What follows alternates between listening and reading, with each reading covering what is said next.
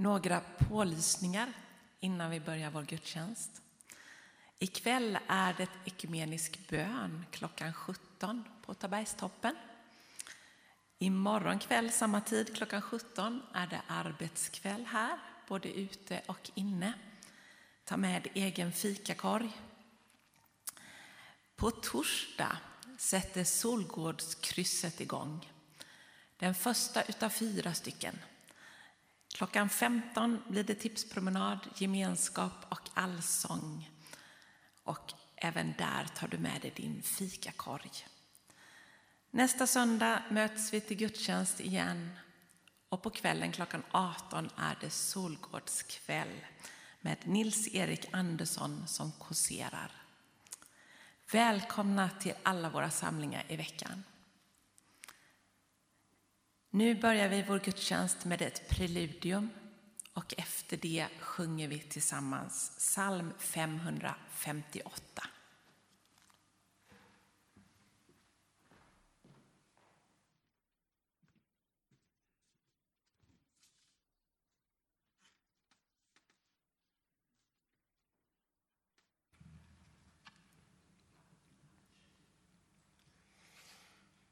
Mm.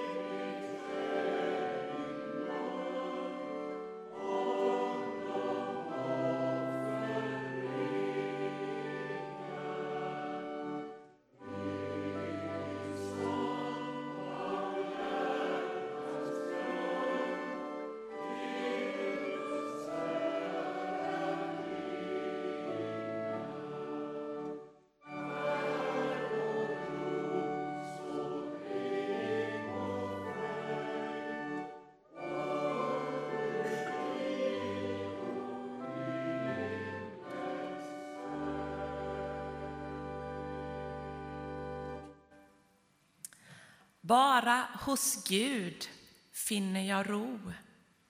Från honom kommer mitt hopp. Han är klippan som räddar mig, min borg där jag står trygg. Välkommen att fira nattvardsgudstjänst med Tabergs missionsförsamling. Till Gud får vi komma den här söndagen, fjärde söndagen i trefaldighet. Han är vår tillflykt. Det är hos honom vi får komma till ro och hämta vårt hopp.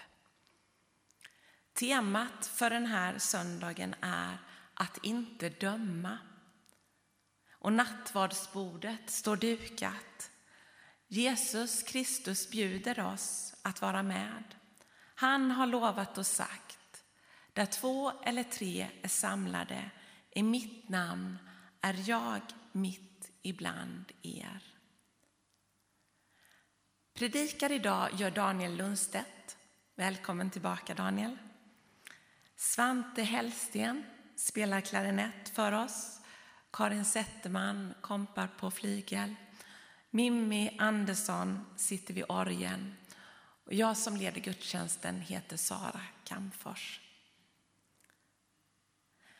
För 26 år sedan var jag för första gången i ett kloster några dagar på retreat. Den största fascinationen när jag var där det var att jag kände mig så ofantligt älskad. I små handlingar såg jag tecken på omsorg och kärlek från systrarna. Även i det förtroliga samtalet med en av systrarna där jag var ärlig om mina mindre angenäma sidor upplevde jag bara kärlek. Aldrig fick jag någon dömande blick eller några skarpa ord. Flera år senare pratade jag med en av nunnorna om deras kärleksfulla gensvar. Hon berättade då för mig att när det ringer på dörren i klostret och någon av nunnorna går och öppnar, då ber den systern en bön på vägen till dörren. Hon tackar Gud för att det är Jesus som kommer på besök. Varje gäst är innerligt välkommen och kärleksfullt omsluten. Jag däremot är snabb på att tycka massor om människor, jämföra mig med andra och döma ut andras stil. Men nunnorna de gav mig en tankeställare och blev till en inspiration. Tänk om jag skulle använda mig av det där i min vardag. När jag gör något och inte vill bli störd och telefonen ringer. Kan jag då svara som att det är Jesus som ringer? När jag möter den där jobbiga människan som jag retar mig så på kan jag se Jesus i henne istället för att vara så snabb på att döma. De Helde Kamara har uttryckt det på ett annat sätt. Han säger, är människorna en börda för dig? Bär dem då inte på dina axlar. Ta dem till ditt hjärta. Det är svårt att inte döma och bara se med kärlekens blick. Men jag tror att det är möjligt. Genom att vara med Gud och öppna sitt hjärta för honom utsätts vi för hans ofantliga kärlek till oss. Och när vi landar i att vi är älskade, då behöver vi inte längre ha några åsikter om någon annan eller jämföra oss. Gud påverkar oss att leva med en blick och tanke som inte dömer någon annan. Fast när det där ändå händer, att vi dömer, då får vi be om förlåtelse. Vi ber. Barmhärtighetens Gud, Du som upprättar och förlåter. Befria oss från vår lust att döma och att fördöma både oss själva och andra. Låt nådens ord förvandla våra hjärtan och vår värld genom Jesus Kristus. Amen. Vi sjunger nu tillsammans psalm 829, om och om igen.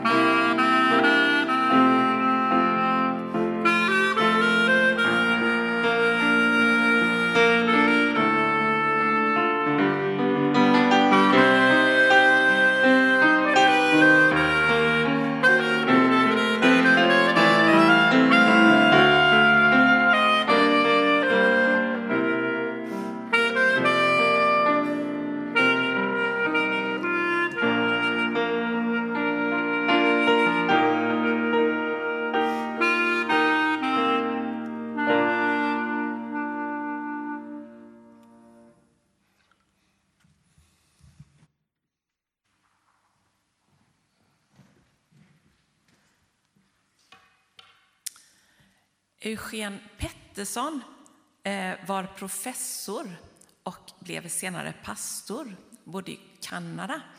Eh, han upplevde att människor inte längre brydde sig om Bibeln och att man levde i två olika språkvärldar, Bibelns och vardagens. Han fick från ett förlag uppdraget att översätta Bibeln till ett vardagligare språk. Och efter tio års arbete utmynnade det i The Message. Och i förordet så skriver Eugen Pettersson Läs för att leva. Många kommer att finna att den viktigaste frågan de ställer sig under läsningens gång inte är vad betyder det? Utan hur ska jag leva det? Det vi läser angår oss personligen. Vi läser för att bli oss själva. Och varför inte ta hans råd på allvar i sommar? Läs för att leva. Ta med the message till hängmattan, till trädgårdsstolen i skuggan eller kanske till stranden och bli nyfiken på livet med Gud. Dagens episteltext som berör temat att inte döma är hämtad från Galatierbrevet 6. Och jag tänker att jag läser ifrån The Message. Mina vänner, lev med frihet och fantasi. Om någon trillar dit, så förlåt honom och hjälp honom till rätta utan att komma med en massa klander. Innan dagen är slut kan det vara du som behöver förlåtelse. Sträck ut handen och hjälp dem som har det svårt. Dela deras bördor, så lyder ni Kristi lag. Den som håller sig för god för det bedrar sig grovt. Granska dig själv vad är du för en och vad har du att göra i livet? Och satt helhjärtat på det. Ha inte för höga tankar om dig själv. Jämför dig inte med andra. Var och en har ansvar för att göra det bästa av sina gåvor och möjligheter. Vi ber. Tack Gud för ditt ord. Väck vår nyfikenhet att vilja läsa mer och hjälp oss att leva det vi läser. Låt oss inte jämföra oss själva med andra och låt oss inte ha för höga tankar om oss själva. Hjälp oss att leva nära förlåtelse och att inte vara så snabba på att döma andra. Tack för att du älskar oss. Och tack Gud för de gåvor vi samlar in till församlingens arbete. Välsigna dessa och ge oss vishet att förvalta pengarna på rätt sätt så att vi kan vara med och sprida din kärlek i Taberg och vidare ut i världen. Amen. Vi sjunger nu psalm 285. Det finns djup i Herrens godhet tillsammans. Och då finns det möjlighet att ge en gåva till församlingens arbete, antingen via Swish eller om du har kontanter vid utgången, vid gudstjänstens slut.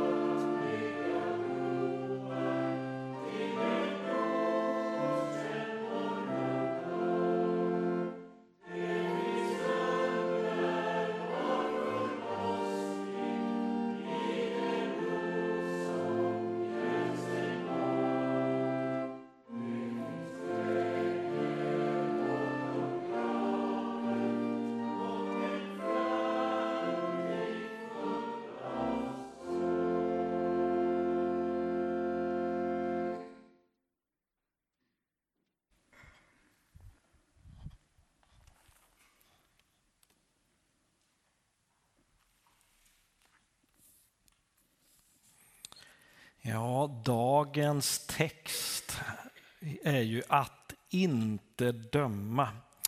Och den hämtar vi från Lukas evangeliet kapitel 6 och vers 36 till 42.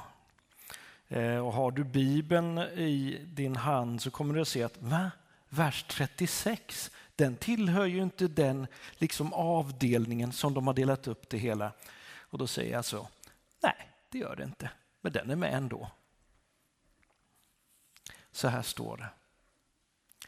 Var barmhärtiga så som er fader är barmhärtig. Döm inte så skall ni inte bli dömda. Förklara ingen skyldig så skall ni inte dömas skyldiga. Frikänn så skall ni bli frikända. Ge så ska ni få ett gott mått packat, skakat och rågat ska ni få i er mantel. Men det mått ni, som ni mäter med skall det mätas upp åt er. Han gav dem också en liknelse. Kan väl en blind leda en blind? Lam, ramlar inte båda i gropen? Lärjungen är inte för mer än sin lärare, men när han är fullärd blir han som sin lärare. Varför ser du flisan i din broders öga när du inte märker bjälken i ditt eget? Hur kan du säga till din broder, låt mig ta bort flisan ur ditt öga, när du inte ser bjälken i ditt eget? Hycklare, ta först bort bjälken ur ditt öga, så kan du se klart och ta bort flisan ur din broders.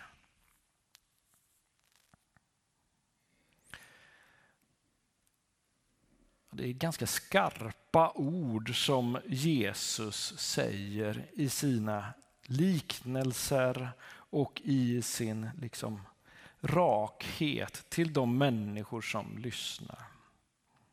Och om man nu tittar på det sammanhang som Lukas har satt ihop, om vi tittar liksom hela Lukas kapitel 6, så vad, vad är det här för sammanhang som eh, den här texten är insatt i?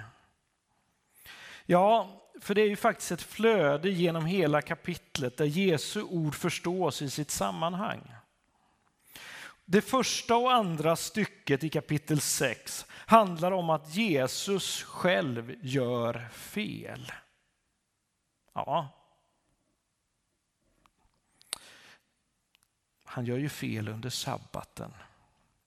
Enligt fariseerna och de skriftlärda. Först plockar ju Jesus och lärjungarna ax på åken för att få mat under sabbaten.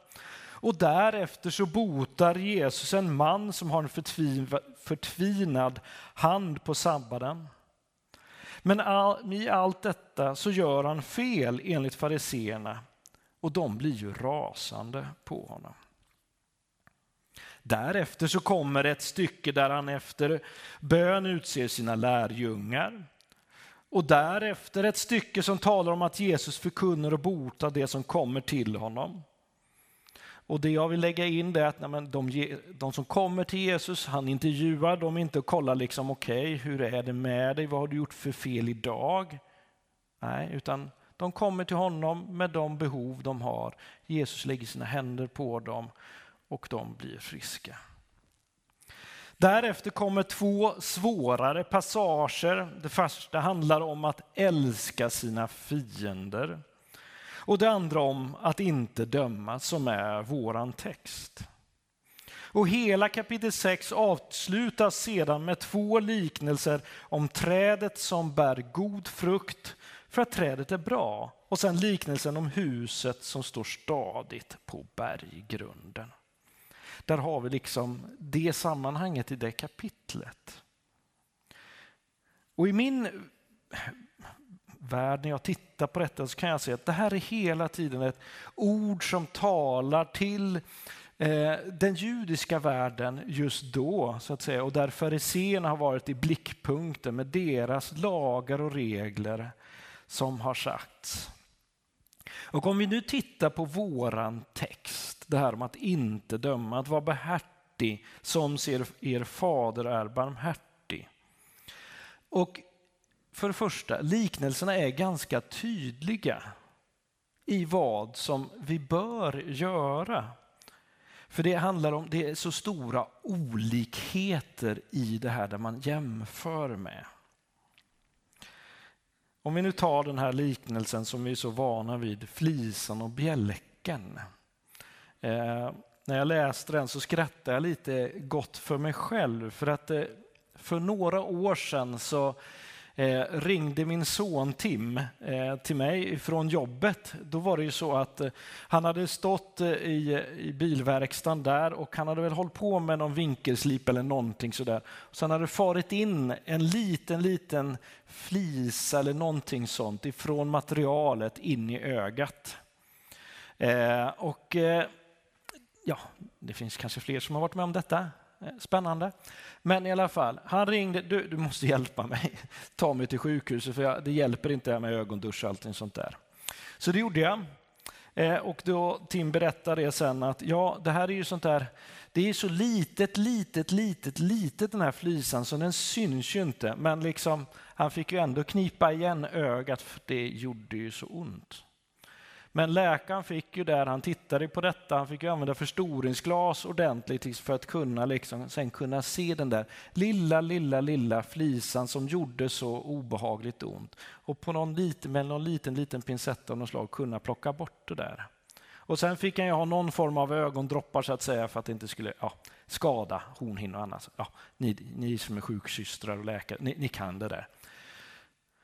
Men jag, jag, blir så, jag skrattar ju åt det här lite grann. Så, ja, den där lilla, lilla flisan gör så där väldigt ont. Men samtidigt då i den här liknelsen, flisan som är där, som av någon underlig anledning någon kunde se, även fast personen hade en bjälke i ögat. Det är bra att se det, tänker jag då. Liknelsen blir lite komisk och samtidigt väldigt tydlig. Titta på dig själv till att börja med. Sen kan du gå till rätta med de andra.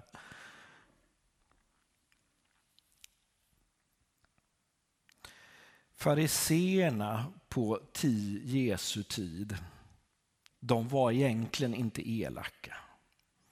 De ville att Israels folk skulle vara ett heligt och avskilt folk som prisade Gud och som genom sin livsstil återspeglade Gud. Det var ju det som var hela tanken med Israels folk från början, genom hela gamla testamentet och framåt. De upptäckte att de behövde hjälpa människorna för att kunna återspegla Gud på ett heligt och bra sätt. Så de gav dem en hjälp på traven med olika regler så att de inte skulle synda. De ställde sig frågan hur kan vi hjälpa folket att hålla de tio budorden? Och så kom då ett antal regler som en hjälp för folket. De hade ett gott uppsåt. Men till slut så blev regeluppfyllandet viktigare än relationen till Gud. Och på grund av det så kom de längre och längre ifrån Gud. Och jag skulle nog kunna vilja säga så utifrån berättelser som jag har hört om frikyrkans tidiga tid, så att säga, om vi pratar om början av 1900-talet eller ännu tidigare så att säga och framåt så, så blev det också kanske fel i vissa lägen. Det här var ju så att säga, om jag tittar på mig, det här är mina mor och farföräldrar så att säga som fann Gud och de fann också hela den friheten de fick uppleva, att kunna prisa Gud fritt att kunna leva och dela Herrens måltid fritt. Utan i det läget som det var svenska kyrkans regelverk alltså som då hade blivit ett verk för en del människor. Men i sin iver att leva heligt med Gud och i sin läsning av skriften så fann man regler som man behövde hjälpa de nyomvända att följa. Vilket till slut blev att reglerna blev viktigare än relationen till Gud genom Jesus Kristus. Där också. Och under tiden som jag föddes, eh, början av 70-talet, där så började vi slänga bort de här reglerna och det blev eh, mer fritt och man vågade nästan inte tala om vad som var rätt och fel, då man var rädd att trampa någon på fötterna. Men då hamnade vi även då i ett dike där Gud nästan försvann också. På ett sätt kunde det då blivit som en klubb för oss som ville ha det här sociala livet. Jag är med i församlingen för att jag trivs med de människor som finns där. Men tron på Gud eller Jesus kanske inte var så viktigt. Och jag kan se att nu kanske vi har då delar av kristenheten som dömer andra delar av kristenheten för att man tycker att man gör rätt eller man gör fel i olika frågor som man dömer. Ni är inte riktiga kristna.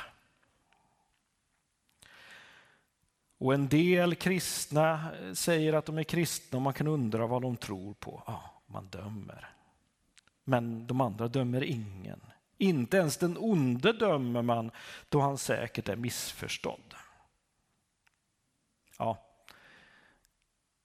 nu kanske jag raljerar lite, men jag tänker att vi har en tendens att gå ifrån de här två olika dikena hela tiden. Att antingen så är vi rigida och så här måste alla göra och man följer och de här reglerna är viktiga. Eller så har vi ingenting, och för det är en pendel som går fram och tillbaka. Frågan är ifall vi, vi hela tiden missar fokus på vad som är rätt och vad som är viktigt. För min bön tänker jag blir så här, Herre Jesus Kristus, hjälp oss att ha rätt fokus. Jag tror att Jesus vill att vårt fokus ska vara relationen med Gud och att den relationen sedan ska förvandla våra liv och inte tvärtom. Att vad jag menar att vi ska leva rätt och riktigt och sen kanske hitta Gud. Men att låta Gud förvandla vårt inre så att vi där gör enligt vad Gud säger och tycker. Jag kommer fortfarande ihåg ett kort ord som Peter Halldorf sa under min tonårstid, och det här, det här är 80-talet då, när han talade på en konferens jag var på. Och det här är egentligen inga nya ord som han kom med då på 80-talet, utan det är gamla ord från Augustinus som säger Älska Gud och gör vad du vill. Det som är bra med de här orden är att det är först riktningen mot Gud. Och inte först riktningen gör rätt och finns sedan Gud. Och jag tror det är just där vi behöver vara. Och det är egentligen bara du själv som vet var du är. En fråga som jag tänker att vi var och en behöver ställa till oss själva är egentligen Umgås du, eller jag då, med Gud? Det är en fråga du eller jag kan ställa till oss själva, inte till någon annan. Och den andra frågan som vi kan ställa oss i samma veva är Älskar du Gud? Svaret på de frågorna säger vart du och jag är nu. Och Det handlar om din relation med Gud. Det handlar om min relation med Gud. Jag vill inbjuda dig till relation med Gud. Och min önskan är att den relationen ska förvandla ditt liv så att du sen kan förvandla den värld du lever i. Ja, jag säger så att du kan genom Jesus Kristus vara med och förvandla den värld du lever i. Med de relationer som du har, med ditt sätt du möter en människa utifrån att du har bemötts av Gud först. I nattvarden som vi delar med varandra får vi del av brödet och vinet som berättar för oss det fantastiska som Jesus gjort för oss. Någonting han gjorde innan vi ens hade möjlighet att synda, göra rätt, göra fel. När han dog på ett kors för dina och mina fel och brister innan vi ens hade bekänt dem. Innan vi ens förstod att vi gjorde var synd. Men min inbjudan till dig är så, kom nära Jesus, få del av nåden, uppfylls av Guds kärlek och dela den med dem du träffar. För det behövs. Det finns så många trasiga människor utanför den här lokalen, ja i lokalen, som behöver ett gott ord. En människa som kan lyfta och bära. Och Jesus Kristus är den som kan ge frihet och den enda som kan döma rättvist. Vi ber. Jesus Kristus, tack att vi får vara här tillsammans och vi får vara i din närhet. Herre Jesus Kristus, nu ber jag dig igen. Kom med din heliga Ande och fyll oss med din kärlek. Möt oss idag, Herre Jesus så att vi kan möta andra människor på ett gott sätt med det ord som du inspirerar oss med, Herre. Tack Jesus att du vill röra vid var och en av oss. Fylla oss med den kärlek som du har i överflöd. Som gjorde att du Jesus dog på ett kors för att vi alla skulle ha liv. Amen.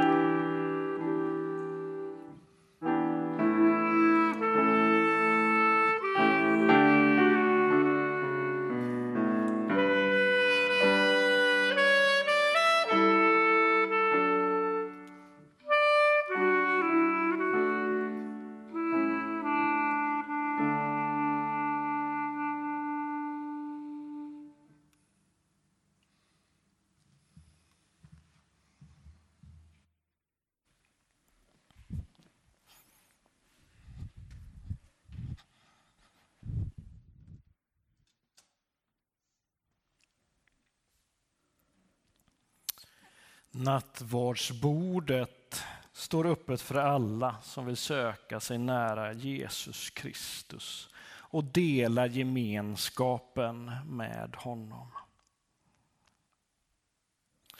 Som det går till här i Missionskyrkan så går vi mittgången fram och så får vi del av nattvardens gåvor av tjänarna. Antingen så går man åt mitt vänster eller åt mitt höger så att säga och får gåvorna av tjänarna där. På min högra sida finns en ljusbärare också där man kan tända ljus för olika bönämnen som man tänker på. Det finns även möjlighet att skriva lappar med sina böner. Om du har lappen uppvikt så läser vi upp den. Om du viker ihop lappen så läser vi inte upp lappen men vi har med den i våra böner efter. Till nattvarden kommer vi inte för att vi måste utan för att vi får. Inte för att vi är felfria utan för att vi är älskade. Inte för att vi är färdiga utan för att vi söker. Vi kommer för att vi behöver gemenskap med varandra och med Gud. Och det är Jesus Kristus som inbjuder oss på nytt igen till den heliga nattvarden. Och i den här måltiden så ger han sig själv till oss. Han leder oss in i djupare gemenskap med varandra och utrustar oss för vittnesbörd och tjänst. Vi ber för gåvorna. Herre Jesus Kristus, tack att vi får komma till nattvardsbordet. Tack för bröd och för vin som vittnar om det du har gjort för oss på korset, Herre Jesus. Tack att vi får bara ta emot det här, ta emot din nåd, Herre Jesus. Tack Jesus Kristus för möjligheten att göra det här fritt i vårt land. Amen.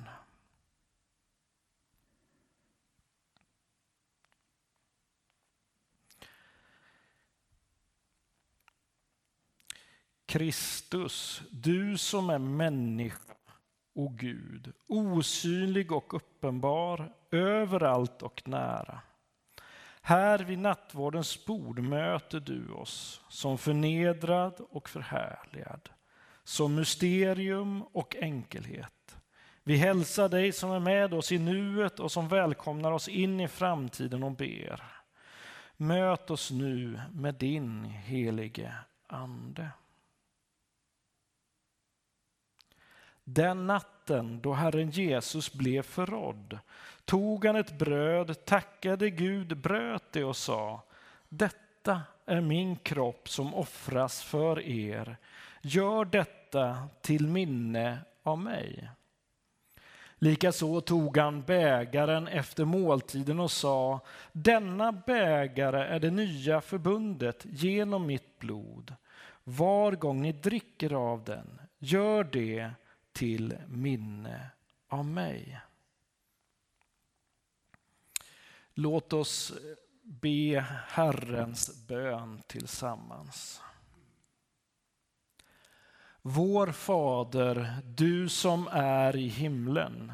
Låt ditt namn bli helgat. Låt ditt rike komma. Låt din vilja ske på jorden så som i himlen.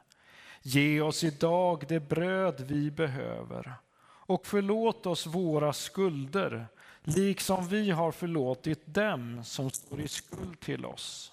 Och utsätt oss inte för prövning, utan rädda oss från det onda.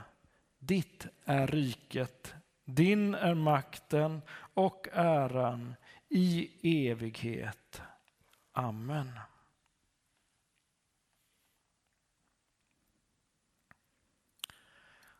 Bägaren som vi välsignar ger oss gemenskap med Kristi blod.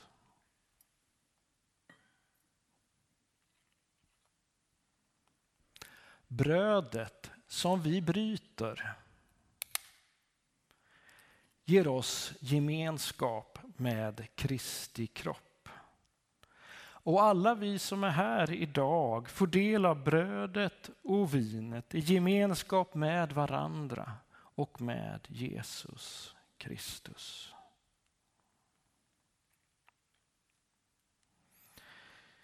Nu sjunger vi tillsammans salmen 434, verserna 1, 4 och 5. Och under tiden så ber jag att nattvardstjänarna och eh, Svante och Karin kommer fram här ska få de del av gåvorna innan de delar med sig till oss andra. Så varsågoda och kom fram.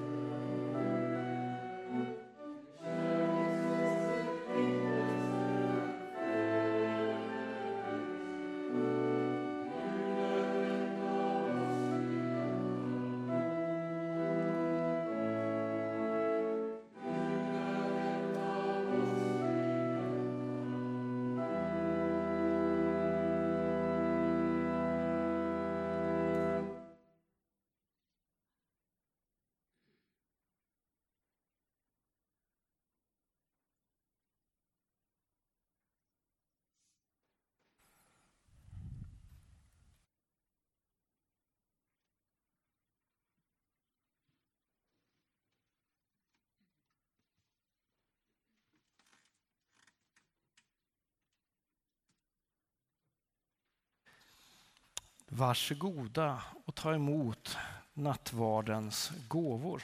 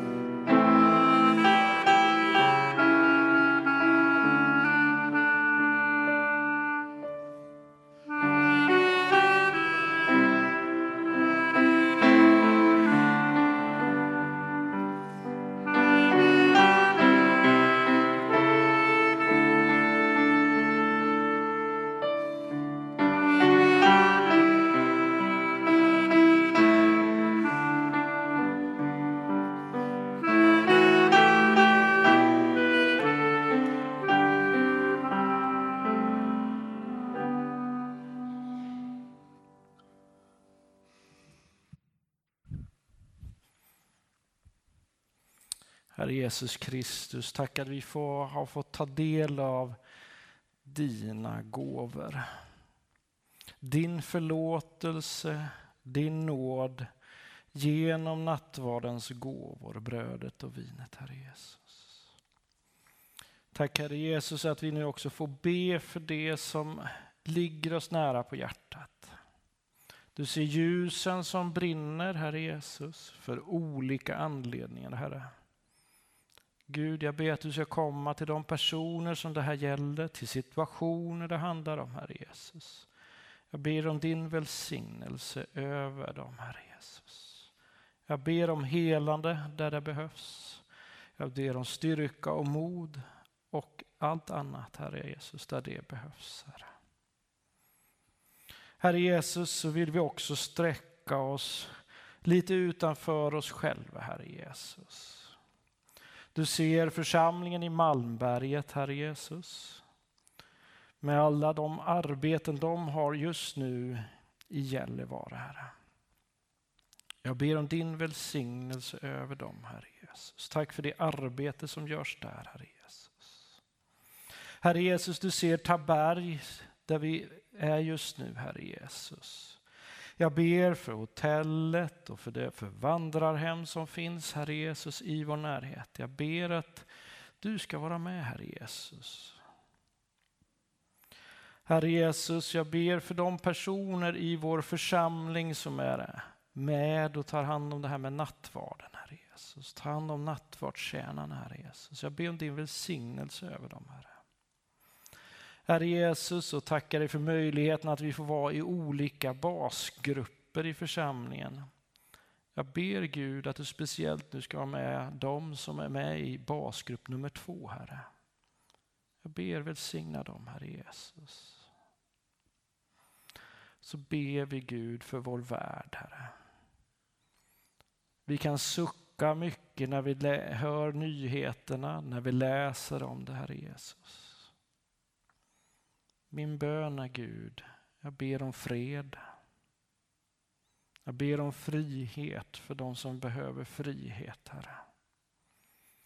Jag ber om mod för ledare att våga säga nu räcker det. Nu lägger vi ner vapnen.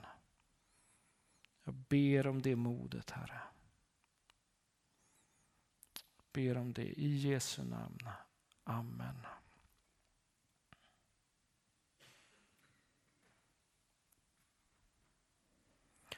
Så ta emot Herrens välsignelse. Herren välsigne dig och Herren bevare dig. Och Herren låter sitt ansikte lysa över dig och vara dig nådig.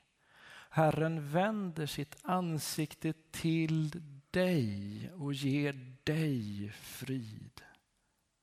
I Faderns och Sonens och den helige Andes namn. Amen. Nu avslutar vi den här gudstjänsten med att vi sjunger psalm 201. En vänlig grönskas rika dräkt, vers 1 till 3.